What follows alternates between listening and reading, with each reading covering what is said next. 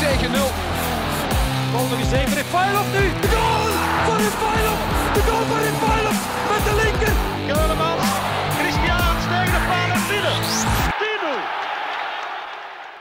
10-0. Een eh, zeer goede avond en welkom bij aflevering 4 van de Klokken van onze tweede seizoen.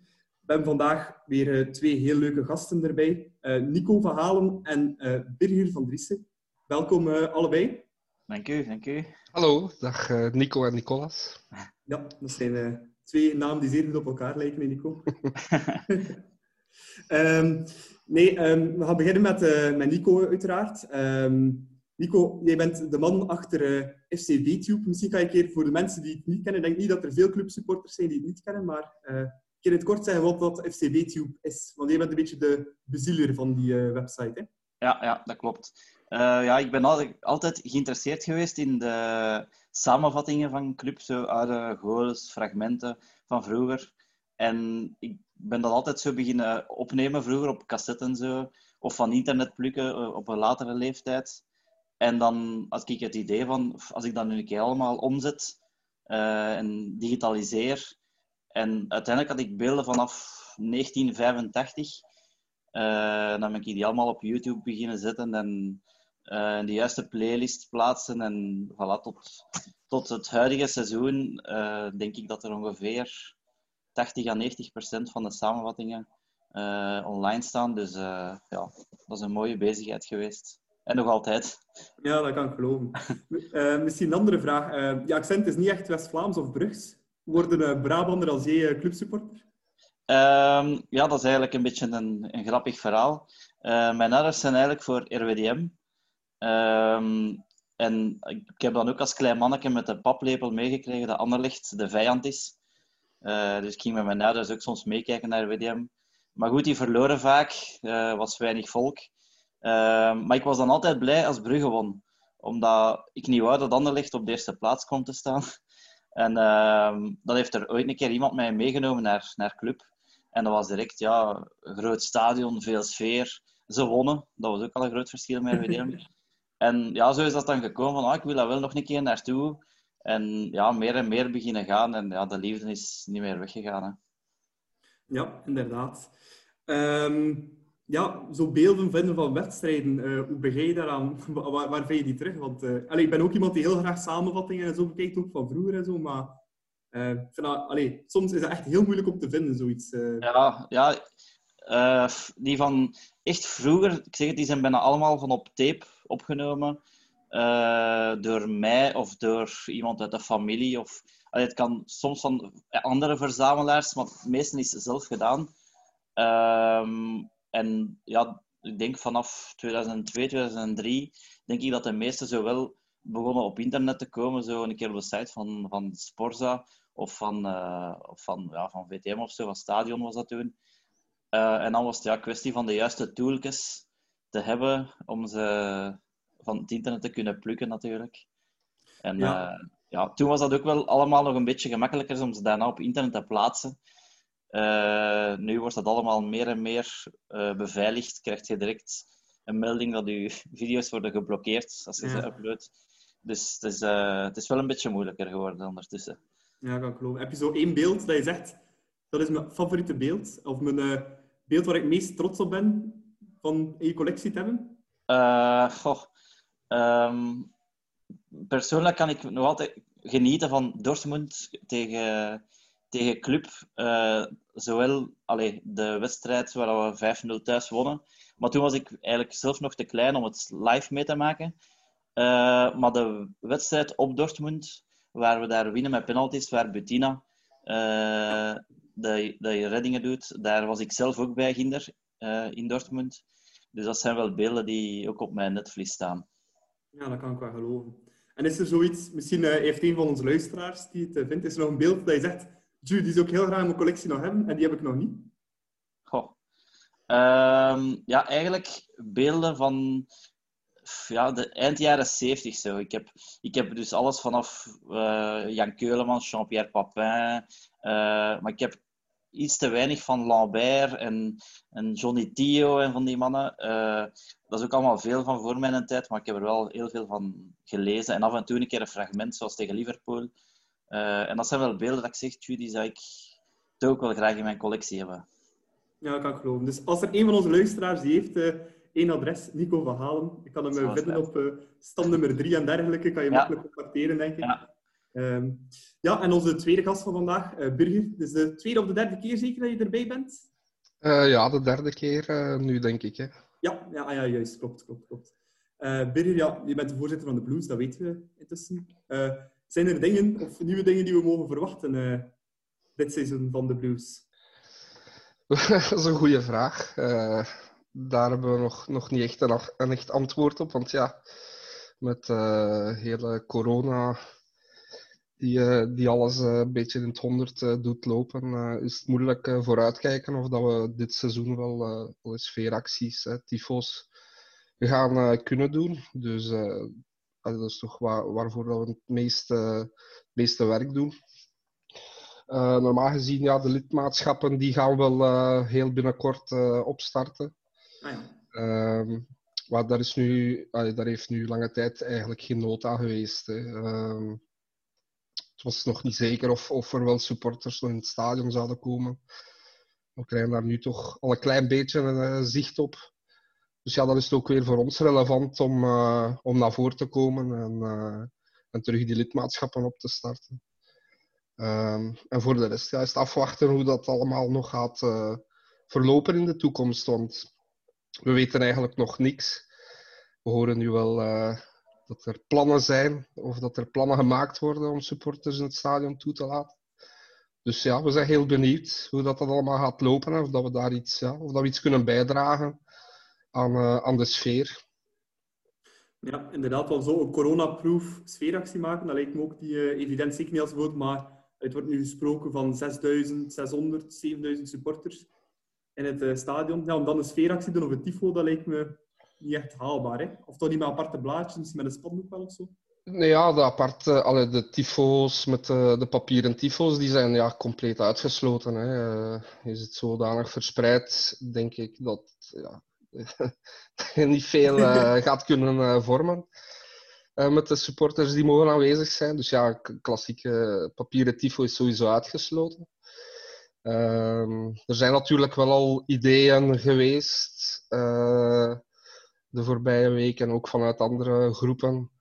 Uh, onder andere de actie die Aberdeen en ik denk Slavia of Sparta Praag, een van die twee, uh, de voorbije maanden al eens gedaan hebben. En wat hebben die precies gedaan?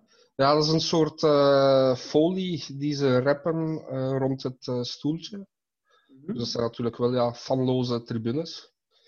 En uh, van daaruit dan iets uh, proberen te vormen in de tribune die dan uh, zichtbaar is op camera en van op het veld. Tuurlijk, ja, in Brugge zitten we met een unieke situatie dat er ook nog een kleine broer is die, ja. die om de twee weken in ons stadion speelt. Dus ja, heel, allee, theoretisch was dat een heel leuk idee. in de praktijk niet zo simpel, want die folie is ook niet spotgoedkoop. Die is eigenlijk duurder dan, dan de klassieke papieren tifo. Dus uh, dat was praktisch wel eigenlijk een heel moeilijk verhaal. Zeker ja, herbruiken kan niet blijven hangen natuurlijk, hè, omdat, uh, omdat de kleine broer een week later speelt. Dus uh, het was allemaal zeer moeilijk. Um, maar ja, kijk, we blijven zoeken of dat er alternatieven zijn. En misschien ja, misschien dat, uh, dat, dat er nog iets uh, uit de bus valt. Hè. Ja, laten we hopen uh, dat we ook zo, gewoon zo snel mogelijk terug met iedereen naar het stadion kunnen. dat uiteraard. Ja. Um, de hemel is een beetje komen opklaren boven Brugge, want de afgelopen week was het redelijk donker qua sportieve resultaten. we hadden onze eerste topper op Genk afgelopen weekend. 1-2 gewonnen. Een deugdoende zege, Nico? Ja, absoluut het was echt een zege dat toch wel heel erg nodig was. Um, ook zeker voor de interlandbreek, om toch een beetje met een goed gevoel daar te kunnen instappen. Um, een 6 op 12 is niet perfect, verre van. Maar we staan toch een beetje tussen de mensen terug. En uh, ik denk dat dat wel misschien hopelijk voor de kentering kan zorgen om uh, na die interlandbreak tegen Waasland Beveren er terug in te vliegen. Wat vond jij van de wedstrijd, Birger? Wel, ik was eh, zeer tevreden over de eerste helft. Ehm, omdat we toch wel een reactie hadden verwacht vanuit de spelersgroep. Want het begon ja, toch stilletjes aan eh, een probleem te worden. Eh, en ik denk dat er een goed signaal is gekomen. Ik denk dat ze dat ook opgepikt hebben. Ehm, dus ik vond de eerste helft zeer goed. Er was veel strijdlust, er was goed voetbal. En we hebben kansen gecreëerd en die ook afgemaakt. Misschien nog een beetje pech had ook, want ik denk dat het niet onverdiend had geweest dat we 0-2 uh, de rust kunnen ingaan. En dan, uh, ja, de tweede helft is natuurlijk jammer hè, dat we dan beginnen met die penalty onmiddellijk. Dat heeft, een beetje, dat heeft een beetje het momentum gebroken van die eerste helft. Maar ik vind dat we ons dan ook nadien nog uh, goed herpakt hebben. Ook na het tegendoelpunt eigenlijk. Dus het was eigenlijk een beetje een wedstrijd van de kleine wederopstanding, laat het ons uh, zo noemen. Ja. Uh, de handvraag voor de, voor de tacticus misschien onder ons. Moeten we verder gaan met 4-3-3 of 3-5-2? Want de eerste helft was een vrij duidelijke 4-3-3, vond ik. Ehm, ja, Nico, wat vind jij daarvan? Ik vind dat een moeilijke. Ehm, ik denk dat je misschien ook het valt misschien ook te zien wie de tegenstander is. Um, een ploeg als speelt meer open en ik denk dat je tegen een, een Charleroi of zo, dat weet je, je gaat tegen een blok, tegen een blok van achter komen. En ik denk dat het wel nuttig is van inderdaad, zoals, zoals Clement zegt, verschillende systemen uh, te kunnen spelen. En afhankelijk van de wedstrijd um, te kunnen variëren van tactiek. Ik, persoonlijk ben ik wel altijd fan geweest vroeger van 4-3-3. Um, ehm, maar toen al Leko er een 3-5-2 heeft ingesle ingeslepen, ja, dat vond ik toch wel vrij indrukwekkend. Ook vooral omdat we daar echt met twee aanvallende wingers spelen, uh, Dennis en Diatta. Uh, dat, was, ah ja, dat was toch nog... Ja, dat was echt blijven gaan, blijven gaan. En, Spektakelwaarde ja, was hoger, hè? Alsjeblieft? De spektakelwaarde was toen. Uh, ja, ja, en, en, en ja, je had ook altijd het gevoel, er kan iets gebeuren. En ik, ik vond nu met de 4-3-3 had ik ook wel een beetje dat gevoel. Omdat Dennis, de inbreng van Dennis vond ik echt uh, allee, een, groot, een groot verschil. Als die zijn dagsken heeft, dan zorgt hij toch constant voor gevaren. Oké, okay, hij verliest misschien soms het overzicht, maar hij heeft een actie, hij heeft snelheid. Dus uh, ja, als, als je die nu 4-3-3 kunt passen, dan, dan staat het toch denk ik al een pak sterker. Ja, Birger, uh, hoe denk jij daarover? Ja, ik denk net zoals eh, Nico zegt, ja, alles hangt een beetje af van de situatie. Hè. Hoe de tegenstander zich opstelt, uh, met al dan niet een laag blok. En dan denk ik dat inderdaad nu tegen Genk een groot voordeel was dat Genk een ploeg is die ook wilt voetballen en die ruimtes laat. Ik denk dat we dat ook gezien hebben inderdaad aan, uh, aan de goede prestatie van Dennis, die we nu plots wel uh, vrij kregen en één, op één kon, uh, kon die zijn ding doen. Dus ja, dat hangt allemaal een beetje af van de situatie. En tegenwoordig is het vooral belangrijk om, uh, om, om bepaalde spelers in een bepaalde zone te krijgen, ja, eerder dan, dan vast te hangen aan die positie, of dat dan nu 3-5-2 is en, en 4-3-3. Dat hangt ook allemaal een beetje af van wat er op het veld gebeurt op dat moment. Want ik zie onder andere, ik heb ook al, ploegen zien spelen die zo zegt een 4-3-3 spelen, maar dat dan eigenlijk in, in balbezit eigenlijk ook maar met drie van achter spelen, waar dat er dan één winger is die heel hoog op het veld uh, mee oprukt.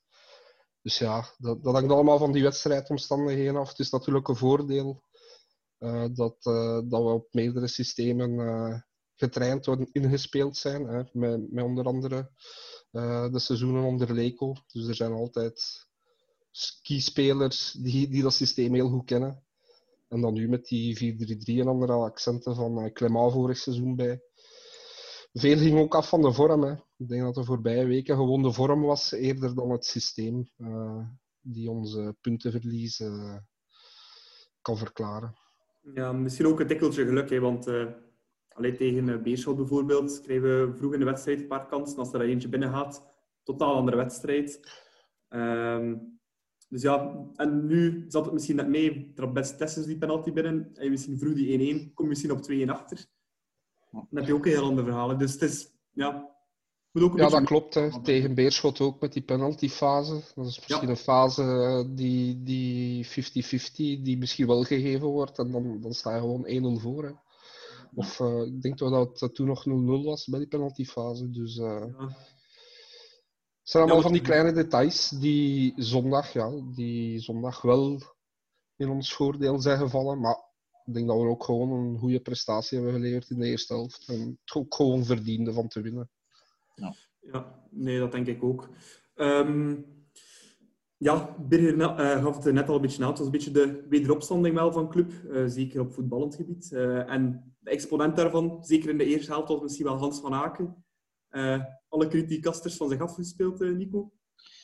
Ja, dat vind ik wel. Eh, ik, natuurlijk, de, de kritiek was ook niet helemaal onterecht, want hij was inderdaad, eh, hij heeft een paar mindere wedstrijden gespeeld, maar goed, ik denk dat het wel een beetje werd overdreven, dat hij, hij kreeg precies alle zonden over hem heen. Maar natuurlijk, ja, dat is een beetje het lot van een topspeler. Als het slecht draait, kijkt ook naar de, naar de belangrijke spelers, en dat is Hans van Aken zeker en vast.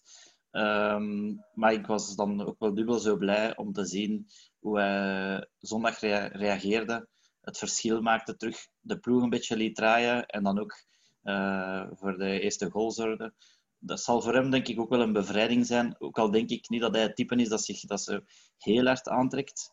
Eh, maar sowieso in het hoofd zal dat, wel, zal dat toch wel spelen. En de beste Hans van Aken zullen we zeker nodig hebben eh, dit seizoen. Ja. Birger, eh, Hans was sterk, hè? Dat was heel goed. En dat heeft natuurlijk ook te maken met de loopacties van Dennis. Hè.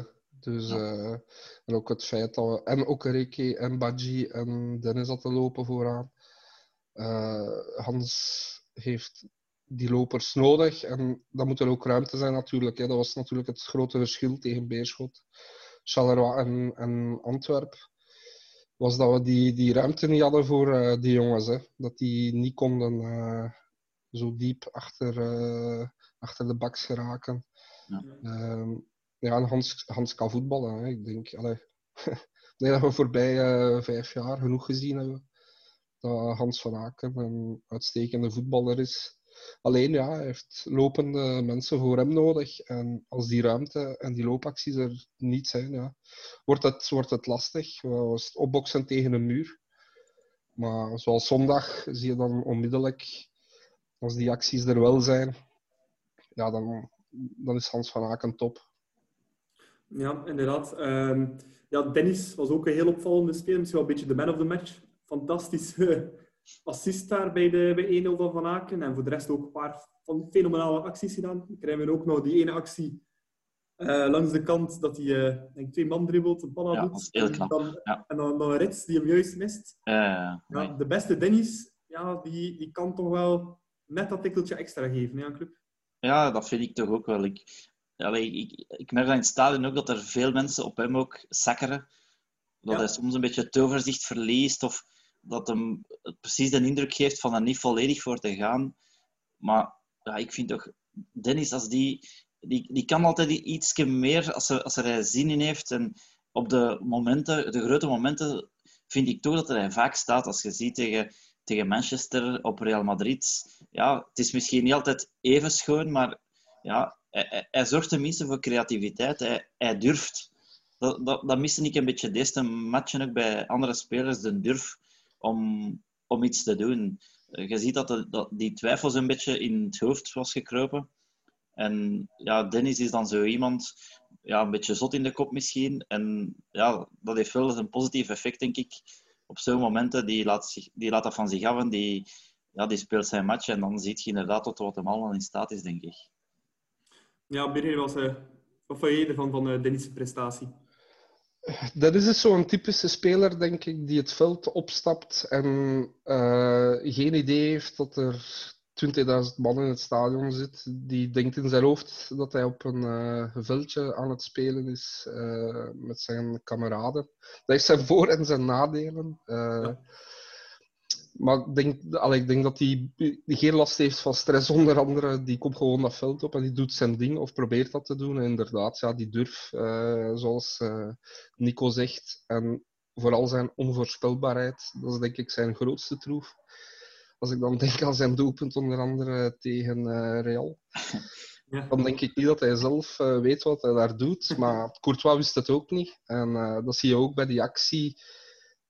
Nu bij de, bij de goal van Hans. Ja, dat, dat, gebeurt zo snel. En, en plots flitst hij daardoor. En, en gooit hij die bal op Hans zijn hoofd. Ja, dat is zijn grote kracht. Hè? Die onvoorspelbaarheid. niemand die verwacht dat hij die dribbel gaat inzetten of die actie gaat maken. En ja, ik hoop dat hij nog vele wedstrijden bij club mag spelen op die manier, zoals uh, zondag. Ik vind het ook knap dat hem daar uh, de voorzet uiteindelijk geeft. Want in veel gevallen bij Dennis volgt er dan eigenlijk soms een schot uit een onmogelijke hoek.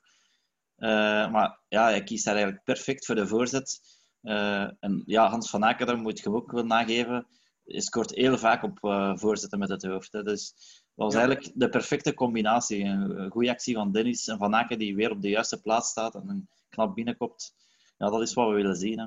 Ja, ik denk ook, die kopbal lijkt makkelijk van Van Aken, maar ik denk dat veel spelers die, uh, die nog daarnaast op de keeper zullen koppen, uh, ja, sowieso. die moeten hem echt perfect raken op die manier. hij staat ja, op ideaal qua positie. Nu, om er nog een allerlaatste speler uit te pikken voor die match, David Okereke. Um, is sinds de match tegen Charleroi en ook tegen Henk meer een flankspeler nu dan dat hij in de spits gaat spelen. Clement heeft dat ook al aangegeven. Dat hij hem eigenlijk eerder ziet als een flankspeler dan als diepe spits. Omdat hij het wat moeilijk heeft ook met die fysieke duels hier in België. Um, wat vinden jullie daarvan? Vinden jullie ook eerder een spits of een, of een flankspeler, Nico? Ik, nou, dat is ook weer een, moeilijke vraag. Ik vond, als ik de eerste matchen van Okereke zag tegenover nu, heb ik daar een totaal ander beeld van. Die, eerste wedstrijden was dat echt van, ja, dat is een pure goalgetter, die staat altijd op de juiste plaats, werkt alles af. Uh, ik dacht echt, ja, dat is een spits die 20 goals op een seizoen maakt. Maar ondertussen ja, heb ik een beetje mijn mening moeten bijsturen. Ik denk dat hij dat ook wel een speler is die heel gevoelig is voor vertrouwen. Ik denk als hij vertrouwen heeft, dan gaat hij er nog altijd binnentrappen. Maar ik denk, als je hem zo in een periode ziet waar het ja, soms wel, soms niet is, denk ik wel dat je op de flank er misschien meer mee kunt zijn. En naarmate hij beter wedstrijden op de flank gaat spelen, zal hij misschien ook meer vertrouwen hebben en ook voor doel komen en ook misschien gemakkelijker afwerken, denk ik. Ja. Berry Rosiera? Uh, ja, vooral zijn prestatie nu tegen Genk was, was allee, vond ik toch wel uh, vrij verrassend. Uh, ik denk dat tegen Melen spelen toch niet de meest gemakkelijke taak is. En dat dan doen als diepe spits eigenlijk op de flank, vond ik wel straf dat hij die redelijk goed neutraliseerde. Hij heeft zich ook volledig opgeofferd eigenlijk voor het team. Hè. Eh, de hele wedstrijd. Ja. Helemaal eh, ten dienste van het team gespeeld, dus eh, chapeau. Allee, eigenlijk ja, een van de, van de beste op het veld, vind ik. misschien heel onopvallend dan. Dus niet, het moet niet altijd een dribbel of een actie of een doelpunt zijn natuurlijk. Hè. Maar ik vond, vond het een heel, heel sterke prestatie van Okereke. Um, natuurlijk, ik zie hem liever als diepe spits. Ik vond dat hij een heel goed duo vormde met Badji in de Brugse metten tegen Lille. Ik vond dat er toen wel te zien was dat daar muziek in zat in dat duo. Dus ik vind het eigenlijk jammer dat we dat duo niet te vaak meer gezien hebben met uh, twee centraal. Um, maar ja, kijk, hele goede wedstrijd op die flank. En ja, zowel voor speler als voor het team, uh, als hij zich kan doorzetten, is dat dan een zeer goede zaak. Ja, dat denk ik ook. Uh, dan kunnen we het rubriekje Racing Genk Club denk ik, hier helemaal afsluiten. Het was een mooie zondagmiddag in, in Limburg. dan gaan we over naar het volgende. En dat is ja, een iets gevoeliger dossier bij Club. Allee, ja, gevoelig, ik ben er eigenlijk nog niets van gehoord. dat zijn de transfers. Nico, heb je enig idee hoe dat komt dat we zo lang moeten wachten op die eerste inkomende transfer? Ja, ik denk dat het in de vorige uh, edities van de podcast ook al een beetje besproken is dat club inderdaad hoger lijkt te mikken. En ja, dat er dan soms een beetje op de limieten wordt gebotst van ja, spelers die naar betere clubs kunnen of die misschien gewoon geen interesse hebben in, de, in onze competitie. Ehm, en ja, langs de ene kant vind ik dat ook een beetje frustrerend dat er nog altijd geen nieuwe spelers zijn. Anderzijds, ja, je kon ook misschien al twee, drie transfers gedaan hebben, zoals een Botaka bij Gent en van die mannen. Maar ja, dat willen we natuurlijk ook niet zien. Je moet ook geen transfers doen om transfers te doen. Dus ja, als, als hun targets niet direct willen komen, vind ik het langs de kant wel niet slecht van, van te kijken allee, de, of de juiste moment af te wachten om de juiste personen aan te trekken. Want anders, ja, zoals bij Gent gezien, die hebben negen transfers gedaan, of misschien al tien. Ja. Uh, veel hebben er toch ook nog niet van gehoord, denk ik, ondertussen. Hè. Nee, dat klopt. Uh, binnen jij geen inside information hoe dat het komt dat we zo lang moeten wachten? Nee, over het sportieve daar uh, geen inside information. Nee, ik denk inderdaad dat we heel hoog mikken en dat we ons niet laten opjagen. Uh, een beetje de kat uit de boom kijken ook met wat er allemaal gebeurt. Want ja, de transfermarkt komt sowieso. Uh, het, is een ja, het is een heel speciale transferperiode. Met, met alles rond corona. Dus die gaat ook maar heel laat op gang komen. Bijvoorbeeld transfer deadline day. Ook geen al te grootse verrassingen gezien. Dus ook niet aan, bij de topclubs of in de topcompetities voorlopig. Behalve dan Messi, die vrij is. dus uh, nee, ja, het is, het is afwachten. Hè. Het is uh, nog tot in oktober, als ik me niet vergis. en dat heeft te maken natuurlijk met, met Europees voetbal of de groepsfase van het Europees voetbal die dan pas start. Ik denk dat daar bij club ook naar gekeken wordt te zien of dat we toch geen uh, grote naam niet meer uh, kunnen toevoegen die, uh, zoals Mignolet vorig seizoen, die ons op een bepaalde positie nog een, nog een stapje hoger kan brengen. Ja. Denk, denk je dat we zo'n soort transfers mogen verwachten? Echt? transfers denk... in, de, in de categorie Mignolet of... Um, denk dat dat... Ja. ja, Mignolet is natuurlijk... Allee, was, was het juiste moment op de juiste plaats.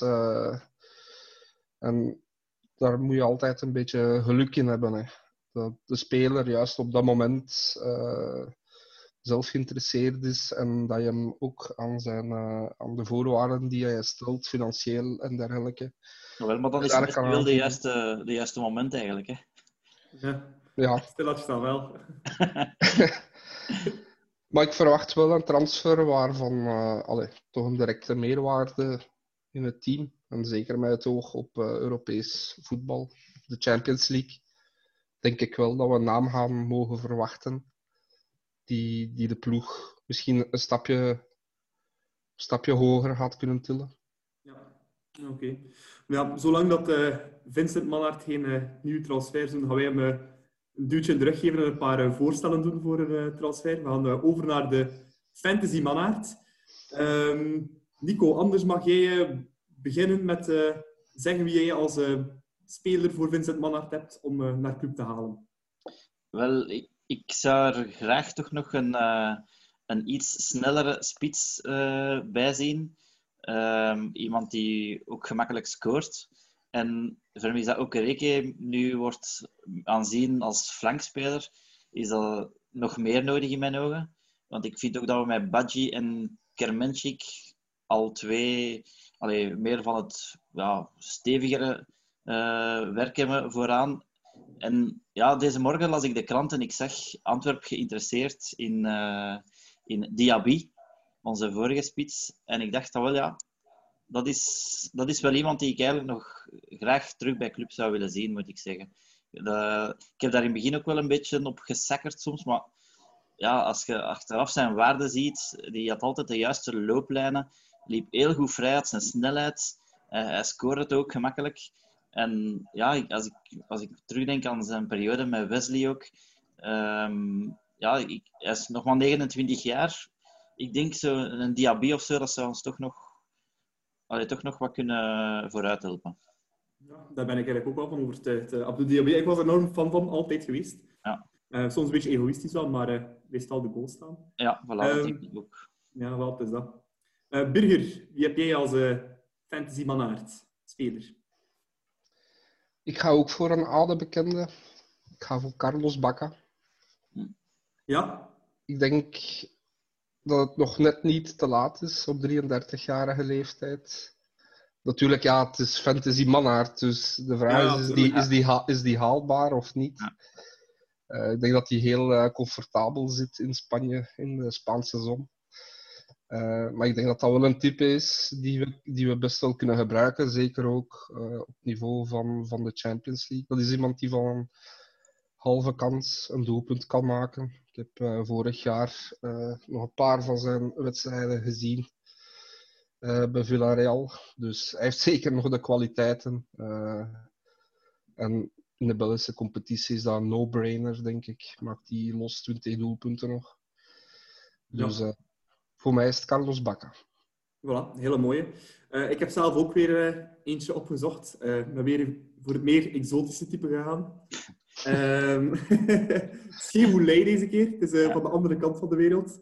Eh, Brian Curfrey. Het is een eh, 23-jarige Argentijn. Heeft ook eh, enkele matchen bij de U21 destijds gespeeld van de nationale ploeg. Is uh, linkervleugelverdediger bij eh Vélez Sarsfield. Een ploeg uit de eerste klasse uit eh, Argentinië heeft ook nog maar een contract tot eh, juni 2021. Eh, Ik ben hem eigenlijk tegengekomen toevallig een beetje door te scrollen op Transfermarkt. Hij heeft een marktwaarde van nu op dit moment 4 miljoen, maar met corona, voor corona was dat uh, 5 miljoen. En ja, ik ben ook een fervent FIFA-speler. Ik kijk ook altijd een keer of dat hij daarop goed is. Hij is 74 op FIFA. Um, en is toch redelijk snel, een goede dribbel. En fysiek ook niet, kan hij ook zijn mannetje staan. Dus ja, waarom niet, denk ik dan, uh, 23-jarige Argentijn. Daar uh, ja. kan wel muziek in zitten. Ik denk wel dat Vince het uh, ondertussen stilaan gehad heeft met Argentijnen. Ja, dat kan ook wel. ja, wie weet de laatste keer goede keer, hè, voor ja, voilà. ja, misschien moeten we toch maar een poging doen om, uh, om die Argentijnen uit uh, Barcelona... Uh... ah, ja. Die is ook transfervrij uh, nu stond. Voilà, dus... Uh, maar is een poging wagen, zeker? Ja, is, ja. Even, oud, die is even oud als Bakka, dus uh, zal er ook wel even ik, de, denk ik denk wel dat hij beter is dan Bakka. Dus, uh... Ja, maar de vraag is, gaat er hij Van Aken uitspelen? Hè? Ja. Ja, ja. Oh, ja. Moeilijk. Ja, maar bo, ik, ik wil graag een Messi voor uh, Van Aken. Ja, ja. nee. Oké, okay, dat waren de drie fantasy mannaards. Um, dan gaan we over naar het laatste deeltje van het uh, transferdossier. En dat zijn uh, de transferdilemma's. Um, ik heb het geluk gehad dat mijn goede vriend Matthias mij een paar leuke dilemma's ook heeft doorgestuurd. Dus ze zijn niet elke enkel van mij, dus don't shoot me als ze heel moeilijk zijn. Ehm, we zullen beginnen met de eerste. Dus de, om kort nog even te zeggen, de transferdilemma's zijn eigenlijk een paar korte vragen waar je ja, enkel ja of nee op kan antwoorden. Er zitten ook een paar andere soort vragen in. Um, ja, we zullen het wel zien. Um, de eerste, ik zal beginnen bij uh, Birger. Uh, rangschik de volgende posities van prioriteit voor een volgende transfer. Centraal verdediger, centraal middenvelder, winger en spits. Dus van belangrijk naar onbelangrijk. Ja, ze zijn allemaal belangrijk, maar uh, ja, meest belangrijke, denk ik, op dit moment is de spits. Uh, Badje is nog maar 18. Uh, dus daar volledig 40, 50 matchen op rekenen is een gok. Want die had sowieso zijn fysieke terugval, denk ik, uh, wel nog kennen. zeker als, als de weersomstandigheden een beetje beginnen te veranderen ook. Dan wordt het toch wel wat zwaarder, en zeker in, de, in onze competitie. Dus ik denk dat de spits het belangrijkste is. Um, ik zou zeggen, centrale verdediger nadien. Dat is het tweede belangrijkste. Omdat Daly toch ook af en toe last heeft van kleine kwaaltjes. Ja. En ik denk dat we daar, ik denk dat dat ook wel een positie is waar we echt wel nog, nog een betere speler kunnen halen, centraal uh, achteraan.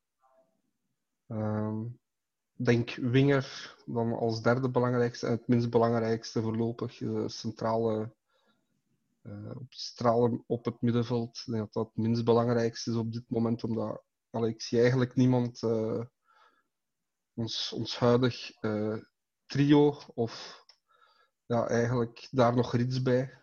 Zie ik daar eigenlijk niet direct uitspelen. Dus ik, denk, ik denk dat het belangrijkste is de centrale spitspositie. En dan een centrale verdediger er eventueel nog bij. Ja, Nico. Jouw ja, wel, uh, ik, ik, ik, zou juist dezelfde volgorde gezet hebben. Dus uh, ik vind ook spits het meest belangrijke. Um, als Okereke nu ook als flankspeler meer wordt gebruikt, of winger, dan, allee, dan zakt die positie ook direct naar de, naar de derde plaats bij mij. Uh, want dan hebben we daar nu een extra optie bij eigenlijk. Um, ja, daarna zou ik ook zeker voor de centrale verdediger gaan. Mede doordat Mitrovic weer zo, zo lang uit is, hebben we toch niet echt, ja, niet, echt een, niet veel andere opties. Ja, Balanta uh, kan daar nu nog wel nog spelen, want die heeft daarbij in het verleden ook wel, wel gespeeld op de centrale verdediging. Um, maar ja, ik vind dat we daar toch ook wel nog iemand kunnen gebruiken. Uh, winger, ja, daar hoopte ik toch nog altijd een beetje op de komst van Ed Milson. Uh, dus dat zou toch ook wel een meerwaarde zijn, denk ik. En tenslotte, ja, centraal op middenveld. Uh, iemand dat de concurrentie een beetje kan aanscherpen. Uh, misschien eerder op het aanvallend vlak, denk ik. Alhoewel dat ik in Charles de Ketelaar eigenlijk ook wel um, een toekomstige nummer 10 zie. Ik vind dat niet echt een, een spits. Ik zie daar meer een toekomstige nummer 10 in. Um, dus dat komt bij mij eigenlijk ook wel op de, op de laatste plaats. Ja. Um, dan oké, okay, dan gaan we over naar het uh, volgende dilemmaatje. Opnieuw voor Nico. Um, Ed Nielsen, Bas Dost en Aster Franks. Wie van de drie uh, wil, zou je echt halen naar club en hoeveel zou je er het maximum aan uitgeven? Ja, ik heb nu gezegd, liefst een spits. Maar ik weet niet echt of dat Bas Dost daarvoor de juiste keuze is. Dus ga ik hem niet op één zetten. Um, ik blijf dan bij het Milson dat ik juist genoemd heb. Um, de juiste prijs, ja, ik heb, ik heb gehoord dat hem zou gehuurd misschien kunnen worden. En dat er een aankoopprijs van 15 miljoen op staat, dat vind ik nu wel veel. Um, ik zou zeggen, ja, toch maximum 7, 8 miljoen misschien, de, de helft. Mm -hmm. Dat lijkt mij toch al meer zo de prijs dat ik zou denken dat hij waard is. Um, Bas Dost, ja, die zou ik gewoon niet halen. Uh, ik, allee, hij, wel, hij, wel, hij, kan wel cijfers voorleggen, natuurlijk, dat, dat heeft hij wel. Maar ik, het is voor mij niet echt het type dat we, dat we missen, denk ik. Dus ja, ik zou, ja, om er een prijs op te plakken, misschien eh, een paar miljoen, twee, drie max.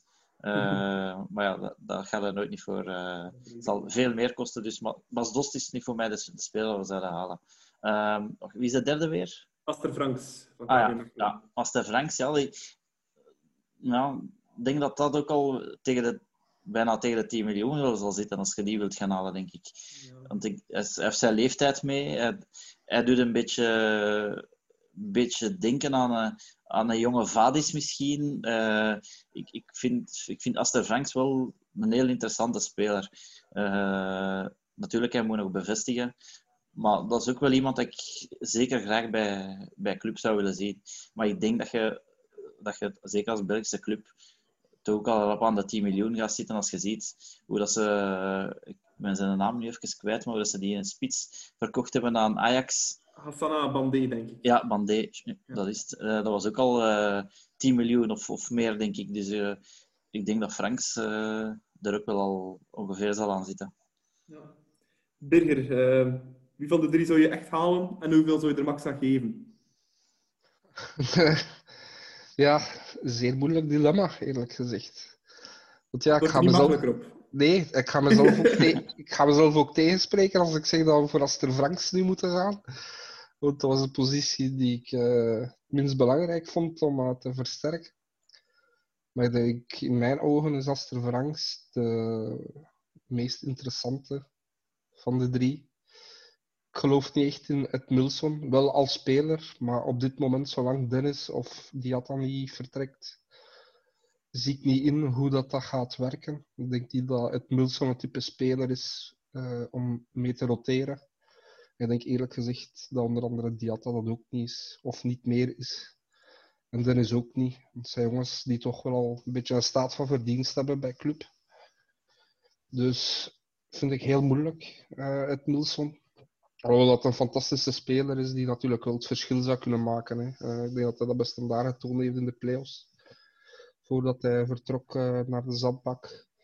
Dus ja, Bas Dost. Ehm, we hebben 6 miljoen, denk ik, betaald aan Kermenschik. Dus dat zal meer kosten dan die 6 miljoen van ja. Kermenschik, vrees ik. Ja. Dat is ook een interessant profiel, maar ik stel mij ook de vraag: gaat Bas Dost, allee, is dat het breekijzer dat 60 minuten op onze bank, uh, allee, gaat hij dat zelf willen? Uh, dat denk ik ook niet. Ik denk dat hij dan wel andere pistes heeft uh, om naartoe te gaan. Dus ja, ik ga toch voor Aster Franks gaan. En, goh, hoeveel mag dat dan kosten? Ehm, ik denk dat een miljoen of acht wel, wel een redelijk faire prijs is. Denk ik ook. Ik hoop dat KV Mechelen dat ook vindt. nee, het is dat. Um, ik zou denken van voor Franks ook wel misschien eventueel interessant zou zijn, zeker met de huidige concurrentie met Vormer en zo, voor misschien nog een jaar bij KV Mechelen dan te laten. Ja, sowieso. Ik denk dat dat in een de vorige podcasts ook al uh, geopperd was. Ja, inderdaad. En uh, dan kost het misschien een miljoentje of twee minder. Uh, ja, dat zou kunnen afspreken. Alright, derde dilemma. Uh, eentje speciaal omdat Nico erbij zit, met zijn FCB-tube. Als je één speler uit het verleden van club zou kunnen toevoegen aan de huidige kern, wie neem je? Dat was inderdaad geen gemakkelijke. Um, ik denk spontaan aan de Cashe.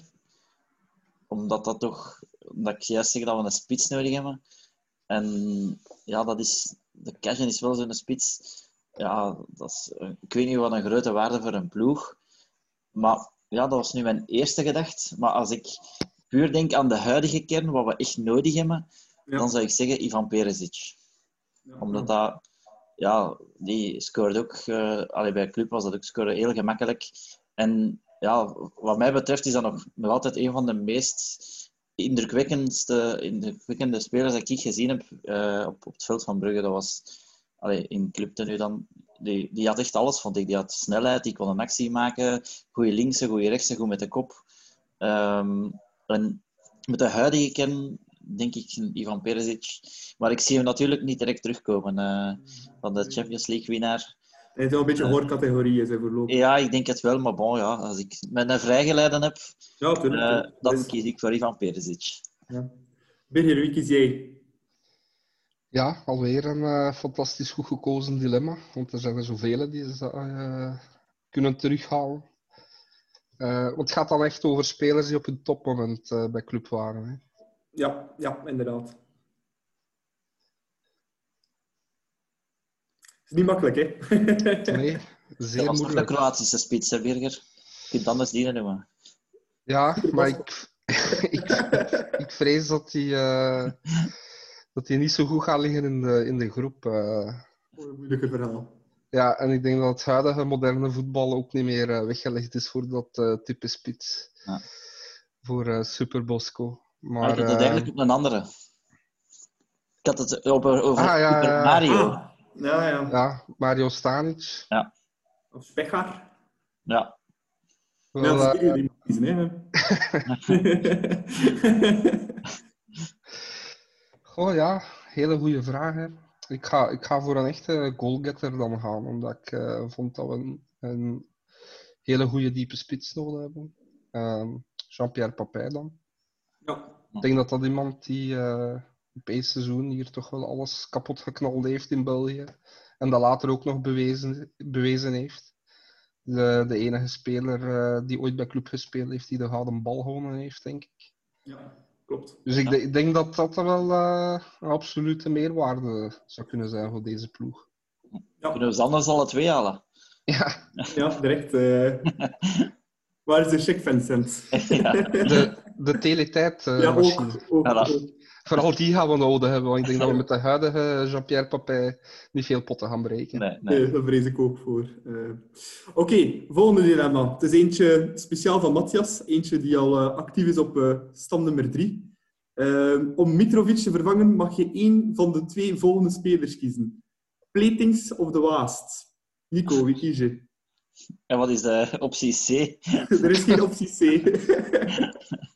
Ehm, fa- ik, ik denk dat de Waast misschien wel. Ik vind het twee spelers die voor mij niet goed genoeg zijn voor club. Punt.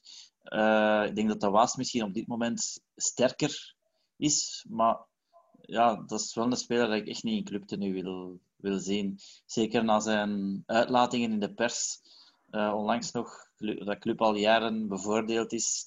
Eh, ik weet ook nog zijn Robertje met, ik denk dat Diatta was vorig jaar op Genk. Eh, ja, toch al een paar keer. En ja, dat is echt. Ja, dat is, dat is- ik denk dat hij ook zelf een, een tatoeage van Genk op zijn been heeft staan. Hij heeft Eh, echt er veel alleszins zit. ja, ja die, die lelijke lippen in zijn, in, in zijn nek. Eh, maar de Waast is voor mij ja, sowieso een, een no-go. Dat is eh, uitgesloten. Dus ja, als, ik- als ik maar twee keuzes heb, ja, dan moet ik maar voor Pletings gaan, zeker. Ja. Birger, wie van de twee kies jij? Eh, volledig akkoord met Nico. Ik denk eh, de Waast is absoluut uitgesloten. Eh, ik denk niet dat hij op club thuis hoort. En ja, dan, als we dan maar één alternatief hebben, dan zal het niet anders zijn dan Platings. Dus dit was dan vrij, vrij gemakkelijk, dilemma dan toch. Oké. Ehm, dan dilemma nummer 5. het is een heel hypothetische, gelukkig. Ehm, maar stel, Philippe Clement eh, houdt het morgen voor bekeken bij club. En je mag een van de volgende drie coaches kiezen, Nico, die eh, hem opvolgt bij club. Beleuni, Compagnie of Wilmots? Oei, oei. Ehm, ja, dat is voor mij weer drie keer een, een, een, uit- een uitgesloten zaak. Ehm ja, Beleuni heeft wel al eens tussen de Brugse supporters gezeten. Eh, dus ik weet niet of je dat nog herinnert, dat hem ja, ja, ja. van het stadion. Maar ja, zijn speelstijl staat mij totaal niet aan. Company had ik wel respect voor als, als speler. Maar nu het feit dat hij terug naar Anderlecht gekeerd is, ja, is dat terug weer zo'n... eh, ja, dan steekt dat terug een beetje. Dat, dat is- maakt, maakt hem direct minder geliefd. En zeker, eh, ja, als je, ik vind als je hem bezig hoort, is ik, ik, ik. Eh, voor de mensen die naar extra time gekeken hadden, eh, ik vond dat hij daar echt heel slecht uitkwam. Dus eh, ja, voor mij Company ook niet. Dus ja, ook al ben ik geen fan van Wilmots, ik ga toch voor hem moeten gaan. Ehm, maar eigenlijk- ja, eigenlijk weer omdat de andere twee mij minder aanstaan dan de derde. Ja. Het is het laatste moeilijke dilemma, hoor. Als dat hypothetisch is. Ja, wel, het is dat. Gelukkig is het hypothetisch. Ja. Eh, ik denk dat Company sowieso uitgesloten is. Eh, wat een verachtelijk figuur om dat aan eh, Club Brugge te linken. Dus eh, nee, die eh, absoluut niet. Eh Wilmot, ja, ik denk dat dat geen trainer is. Eh, dus eh, daar zie ik ook geen toekomst voor. Ja, Beleuni, Beleuni is een speciaal geval. Ehm, en ik vind het ook zeer vreemd. Ja, bij Antwerpen was dat heel, heel fysiek voetbal. Weinig intentie om aan te vallen. Dus heel vreemd dat Gent die binnenhaalt. Wat een volledige stijlbreuk is. Langs de andere kant heb ik ook zoiets van ja, de standaard destijds met De Voer, Witzel, eh Fellaini. Ja, Jovanovic en Bokani. Ja, dat spelen toch. De, ik heb die wedstrijd toen op tv gezien op Liverpool voor eh, de laatste voorronde van de Champions League. Ehm, ja, dat was, dat was toch wel heel goed voetbal. Heel dominant ook, durf. Maar heel, ook heel fysiek nog altijd. Dus ik denk qua stijl, als hij het een beetje aanvallender wil aanpakken dan bij Antwerpen, denk ik dat Beleuni misschien nog het meest van die drie bij club zou passen. Dus Ja. dan ga ik toch Beleuni kiezen. Ja. Zou ook mijn keuze wegdragen. eh. Het is een beetje kiezen tussen de peste cholera of de corona. Hè. Ja, voilà. Ja, dat wel natuurlijk. En dan hebben we nog geluk dat, dat dikke Heine er niet tussen staat. Ja, ah, wel, ah, ja. Dat is helemaal verschrikkelijk. Ja, ik ook nog kunnen nemen. Nee, ehm, en dan het allerlaatste dilemmaatje. Het is eh, altijd de klassieke einddilemma. We hebben de drie fantasy-mama's gehad. Carlos Bacca, Abdou Diaby en eh, Brian Curfrey. Nico, je mag één van de drie naar club halen. Wie kies je? Ja, ik vermoed dat uw speler wel een goede zal zijn. Maar vermits ik hem nog niet, niet zien spelen heb, ga ik, zal ik niet voor hem kiezen. Uh, ja. Eh, ik zou normaal Bakka zeggen, moest hij een paar jaartjes jonger zijn. Ik vind 33 vind ik al een beetje uh, op de limiet. Dus ik ga toch bij mijn keuze blijven en voor Diaby gaan. Ja. Birger? Um, ik ga voor de gok met de Argentijn. uh, ja, ik denk inderdaad ook dat... Allee, Bakka is meer nostal een nostalgische keuze natuurlijk van mezelf. Ik denk dat het inderdaad misschien het, het net te laat is. één of twee seizoenen net te laat. Um, en dan gaan we een keer voor, uh, voor iets speciaals, een Argentijn. Brian Curfrey. Kijk, vorige keer heb ik niemand kunnen overtuigen van uh, Boulay. Uh, ja, nu is het wel gelukt. Dus ja, ik vond, vond, het eigenlijk wel jammer dat er toen niet gekozen is. Uh, maar ik denk dat toen Franks... Ja. Toen Franks... ja. Ja, denk het ook. Ja, ook niet onlogisch. Hè. Dus ja, de concurrentie was hevig. Hè. Ja, de concurrentie was sterk. Bon, dan kunnen we het dossier transfers helemaal afsluiten hier. En gaan we over naar het voorlaatste rubriekje. De Kage Cup. De ja, de prijs voor uh, de speler, slash trainer, slash uh, persoon rond club, die we graag eens uh, in de bloemetjes willen zetten deze week met de Katje Cup. Birger, wie heb jij genomineerd voor deze week? Ik ga voor Timmy 2002 van stamnummer 3. ja? Misschien voor Waarom? sommige pot... Ja, ik vind... Nu, nu dat we natuurlijk eh, het stadion een beetje in zijn definitieve plooi, of toch alles in zijn definitieve plooi aan het vallen is, denk ik uh, dat wel verdiend is voor uh, Timmy 2002, gebruiker op het forum van stam nummer 3, om hem eens in de bloemetjes daarvoor te zetten, omdat hij ons clubfans die verdwaald zouden geraakt zijn in al die regeltjes en procedures en dergelijke, uh, om ons toch altijd een beetje uh, te voorzien van info of duidelijkheid op het forum in verband met het stadion en alle pistes die mogelijk zijn en alles daar rond. Um, hij heeft ook niet zo'n heel makkelijke periode achter de rug, privé, met uh, onder andere ja, corona natuurlijk. Dus ik vond het een unieke gelegenheid om hem eens in de bloemetjes te zetten via de Kage Cup en ik denk voor iedereen die op stam nummer 3 regelmatig komt en in het stadion topic te, allee, daar uh, zal wel uh, kunnen beamen dat zijn verdienste daar heel groot is. Hè. Dus vandaar kies ik voor Timmy 2002 van op stam nummer 3 forum. Prachtige nominatie, Birger. Uh, Nico, wie heb jij genomineerd? Of ga je nomineren? Ik zit zelf ook op uh, stam nummer 3, dus ja, ik vind, wel, ik vind het wel een mooie keuze van, van Birger. Ik ben er wel mee eens. Ik had echt er niet direct aan hem gedacht. Um, ik, ik, had voor de speler gekozen en bij mij was dat Hans van Aken. Uh, om de reden die ik daar straks al had aangegeven, omdat hij toch heel veel kritiek gekregen heeft, van, zelf van, van supporters, wat ik alleen een beetje vreemd vind, dat dan zeggen van Hans van Aken uh, moet eruit. En, ik kan me daar totaal niet in vinden, want we hebben al genoeg gezien hoe het is zonder Hans van Aken. En ja, dat is toch ook niet wat we willen, denk ik. Ehm, en misschien een keer prikkelen, maar dat kan op, op een andere manier eventueel ook.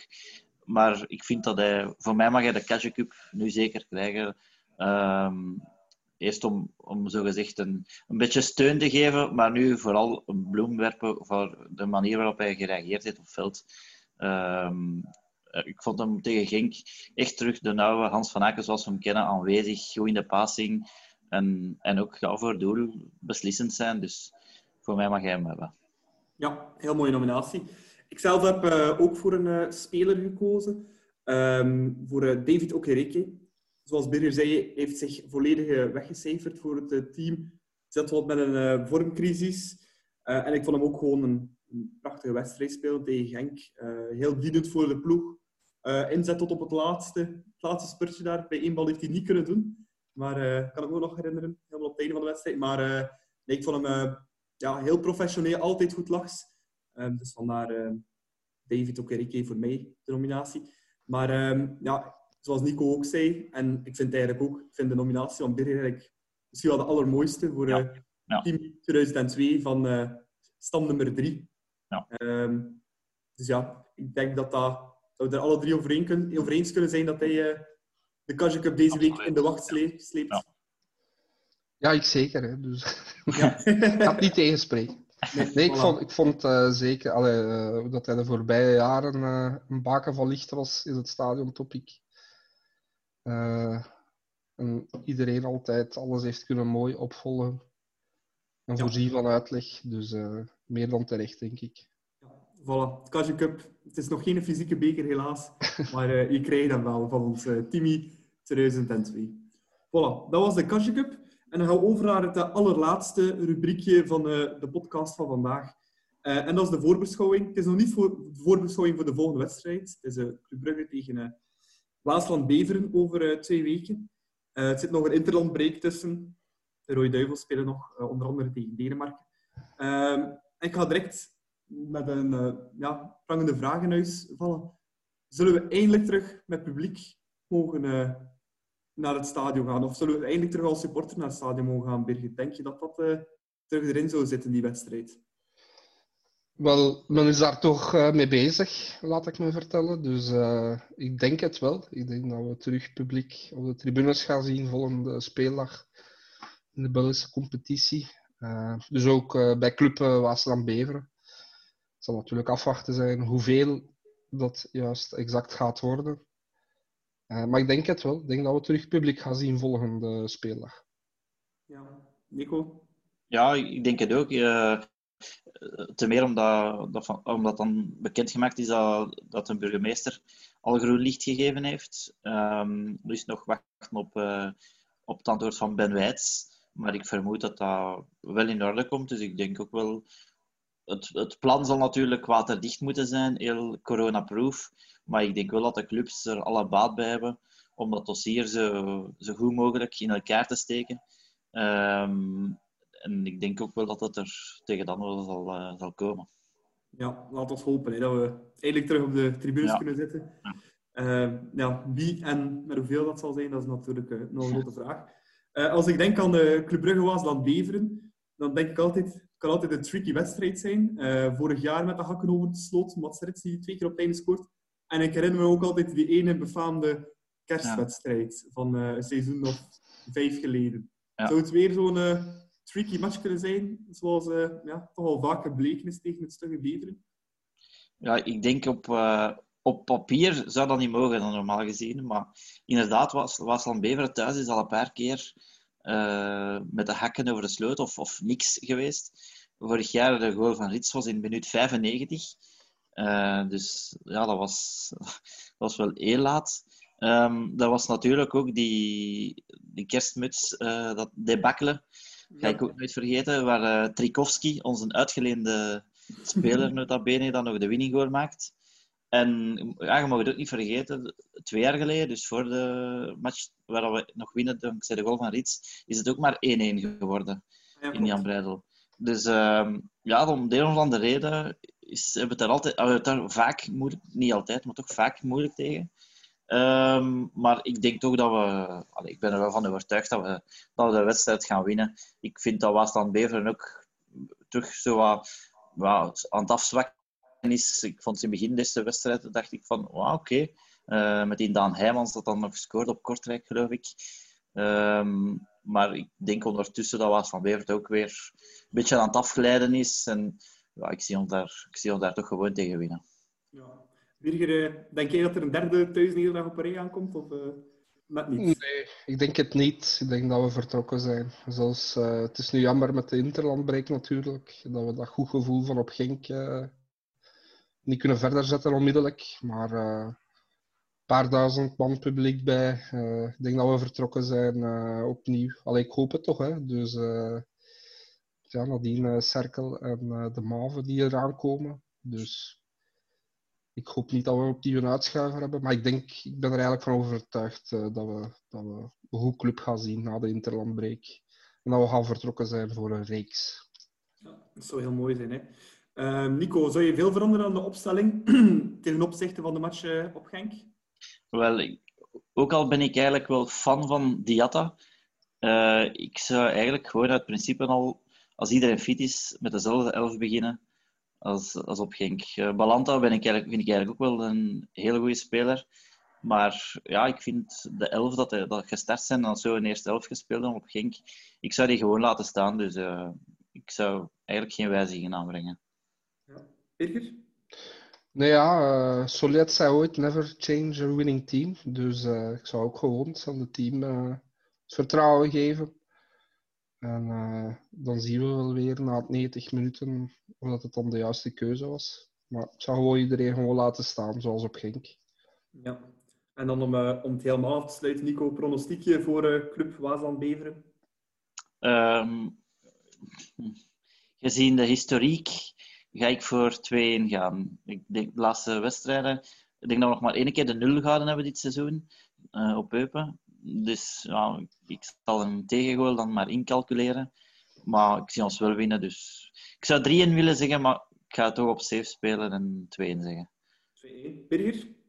Ja, een tegengoal kan altijd. Hè. Je weet nooit wie scheidsrechter of VAR is. Dus eh, het kan altijd gebeuren. Nee, ik denk dat we... Ik ga voor een eh, droge 4-0 gaan. Ja. Ik zelf ga voor een eh 5-0 gaan.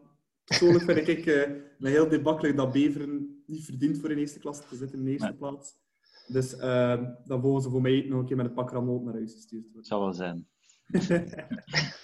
Voilà. Dan zijn we helemaal op het einde gekomen eh, van onze podcast. Eerst en vooral wil ik eh, Nico en eh, Birger bedanken om erbij te zijn. Nico, het was voor jou de eerste keer. Wat vond je ervan? Ja, ik vond het, eh, ik vond het heel tof. Ik ben ook vaste luisteraar, dus ja, het is keer tof om er zelf bij te zijn. Dus eh, ja, en zeker na een gewonnen wedstrijd, dat doet ook al, dat doet ook al Ja. veel. Dat is iets makkelijker dan eh Ja, voilà. twee weken geleden. Hè. Ja. Ja, en Birger, jij ook eh, terug bedankt voor erbij te zijn. Geen probleem. zeer fijn, zoals altijd, om, eh, om erbij te zijn bij de podcast. Voilà. Dus nog eens eh, bedankt aan jullie allebei. Eh, dan is het laatste wat ik moet doen, de kanalen herhalen. Dat is, eh, je kan ons altijd een mailtje sturen naar podcast.bluesfcb.be en op Twitter kan je ons vinden met @deklokkenpodcast of @thebluesfcb. En je kan ons ook altijd volgen met de hashtag de klokken. En voor al de rest eh, verwijs ik je door naar de sociale media's van de Blues. Voilà, dat was het. En dan zien we elkaar terug op, als ik het goed voor heb, 21 eh, september. Ehm, na de match tegen Zulte Waregem hebben we ook opnieuw een leuke gast erbij. Eh, en dan zie ik jullie eh, dan. Maar eerst een interlandbreak met de Rode Duivels. Tot ziens. Tweede paal, er is toch goal! Het is 3-4. Ryan Tom komt er. Daar is Algever en daar is Eino. Hij gaat die vierde maken, denk ik. Ja hoor. Jamie Simons. 4 tegen 0. Bal nog eens even. Refailov nu. De goal van Rafailov. De goal voor in pijlop met de linker. Helemaal. Christian, stijgende paal en binnen.